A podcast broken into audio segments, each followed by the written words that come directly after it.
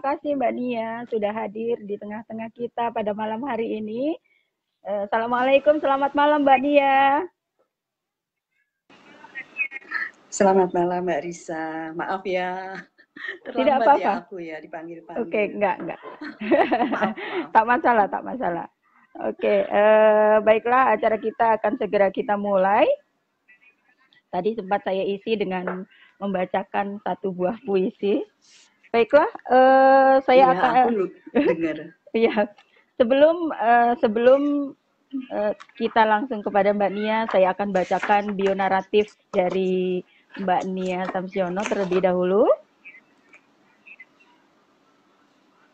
Nia Samsiono atau Det, Dat Muria lahir di Pontianak, menyelesaikan studi S1 jurusan Sastra Budaya di Universitas Diponegoro, Semarang, lalu meneruskan pasca sarjana S2 di Universitas Indonesia, jurusan yang sama pula.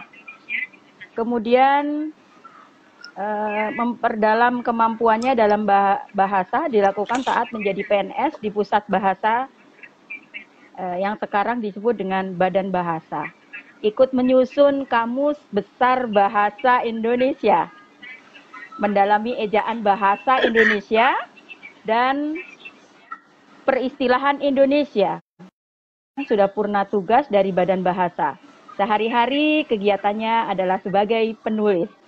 Ya, Mbak Nia ini adalah seorang yang uh, buat saya adalah selalu menginspirasi ya.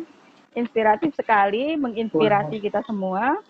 Baiklah, langsung saja waktu kita berikan sepenuhnya kepada Mbak Nia, namun mungkin uh, satu yang yang ingin kita ketahui bersama, mungkin kira-kira uh, saya dan pemirsa yang sedang menyaksikan tayangan ini tentu penasaran tentang bagaimana sebenarnya ketika mau memulai menulis, ya, ketika mau memulai menulis secara umum gitu. Ya, barangkali Mbak Nia bisa mulai dari situ dulu. Nanti kita eh, apa sih namanya berkesinambungan pertanyaan dan barangkali nanti dari pemirsa juga ada yang bertanya silakan tulis saja. Nanti akan dibacakan pertanyaannya. Monggo mbak Nia waktu sepenuhnya saya persilahkan. Baik terima kasih mbak Risa. Uh, saya merasa bagaimana ya uh, tersanjung diminta untuk berbagi pengalaman tentang bagaimana sih menulis uh, menggunakan bahasa Indonesia dalam uh, setiap karya yang akan di apa dihasilkan. Uh, sebetulnya saya sendiri bingung ketika Mbak Risa meminta saya berbicara tentang hal-hal yang berkaitan dengan penulisan yang nantinya akan dikaitkan dengan uh, penulisan sastra. Uh, secara umum bahwa uh, sebuah penulisan itu mempunyai uh, pedoman ketika dia akan apa dituangkan di dalam bentuk karya itu mempunyai acuan yang jelas. Jadi kalau menulis menulis menulis itu menggoreskan tinta ke dalam sebuah kertas uh, itu kan uh, belajar menulis ya. Tetapi ini menulis untuk uh, sebuah karya.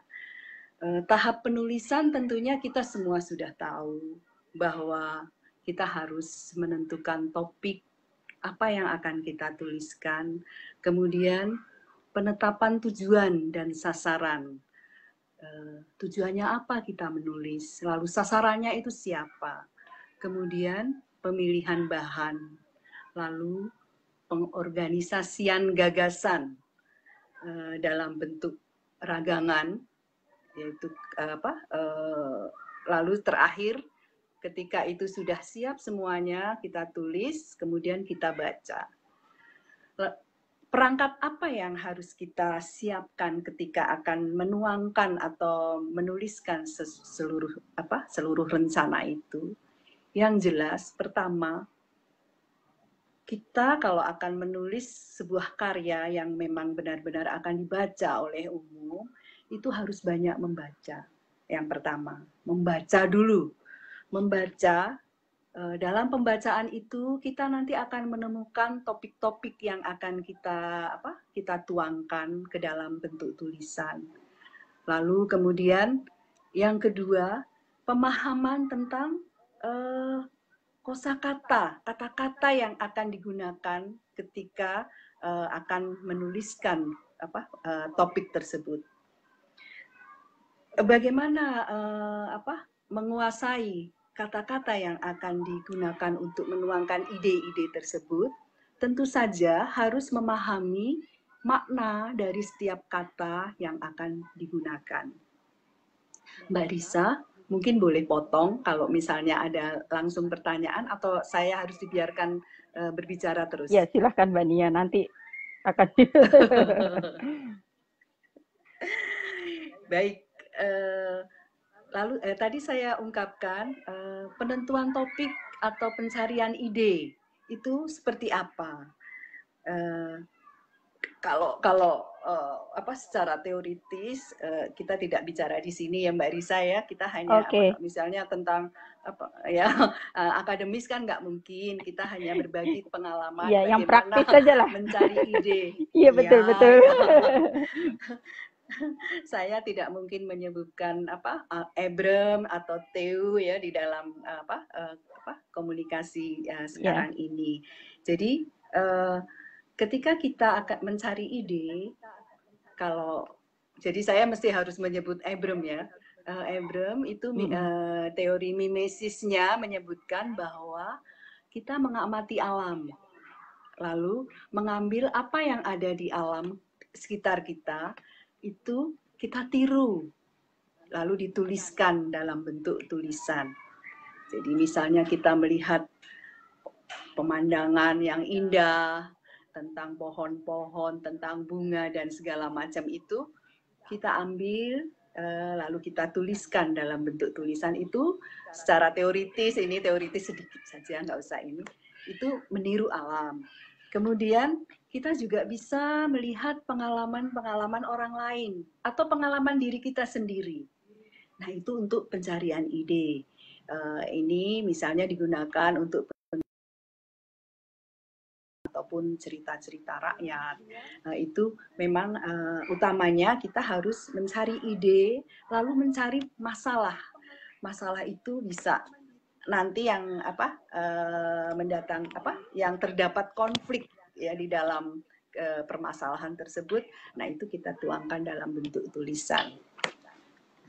Para pembaca tulisan tersebut tentunya dia akan uh, melihat konflik apa yang uh, yang menarik eh, di dalam tulisan tersebut. Jadi dia tidak hanya menuliskan secara serta merta, tetapi konflik itu uh, diramu dengan perenungan-perenungan, pemikiran-pemikiran yang telah diendapkan oleh penulis tersebut yang diambil dari kehidupan sekitar.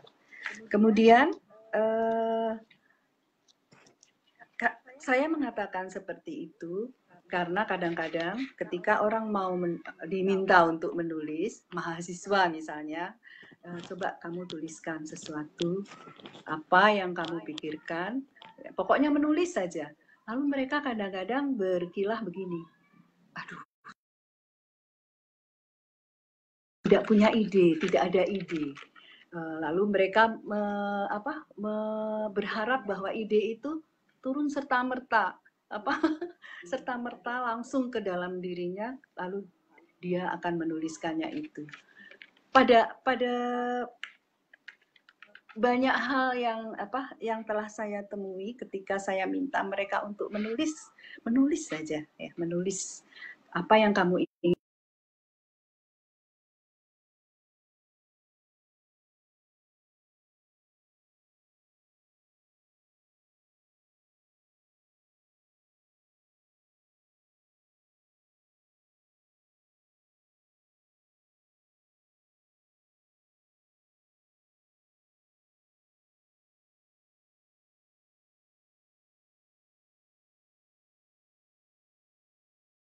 uh, ini ini yang kadang-kadang saya tidak punya ide gitu saya tidak punya ide padahal ide itu banyak.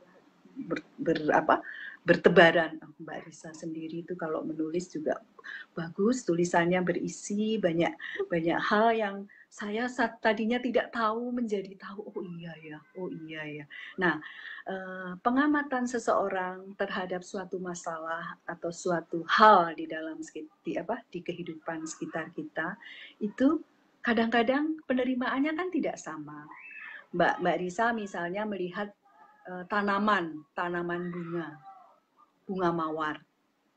Uh, itu akan bercampur dengan imaji, dengan pengalaman-pengalaman yang kemudian uh, mencetuskan atau menghasilkan sebuah tulisan yang berbeda dengan saya ketika melihat bunga mawar itu.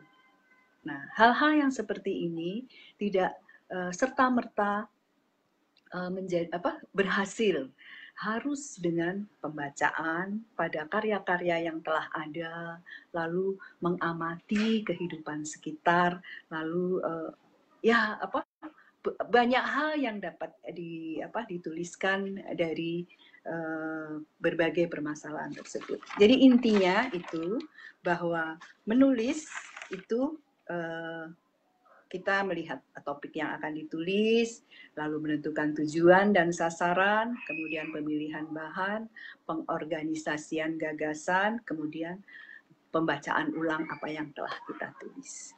Tapi yang saya ingin tekankan pada pada teman-teman uh, yang akan men menjadi penulis atau yang akan menulis uh, itu adalah uh, pemahaman terhadap sebuah kata misalnya misalnya tadi saya sudah ungkapkan uh, bunga apa mawar.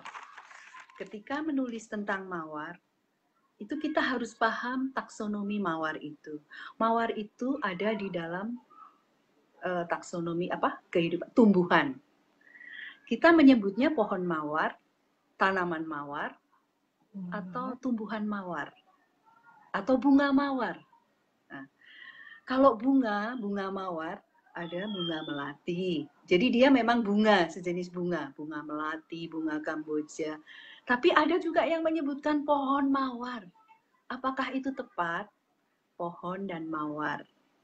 Bahwa pohon itu artinya mempunyai makna tumbuhan yang berbatang keras dan apa uh, uh, besar apa tinggi nah, itu pohon jadi kan kadang-kadang ada pohon mawar tidak hmm. tepat seperti itu.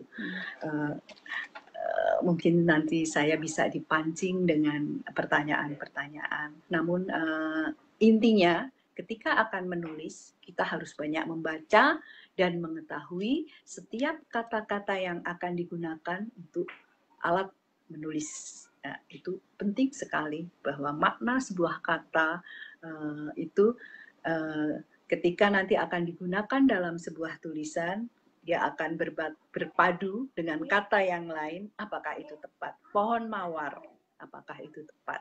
Nah, saya rasa sementara itu ya Mbak Risa ya. Okay.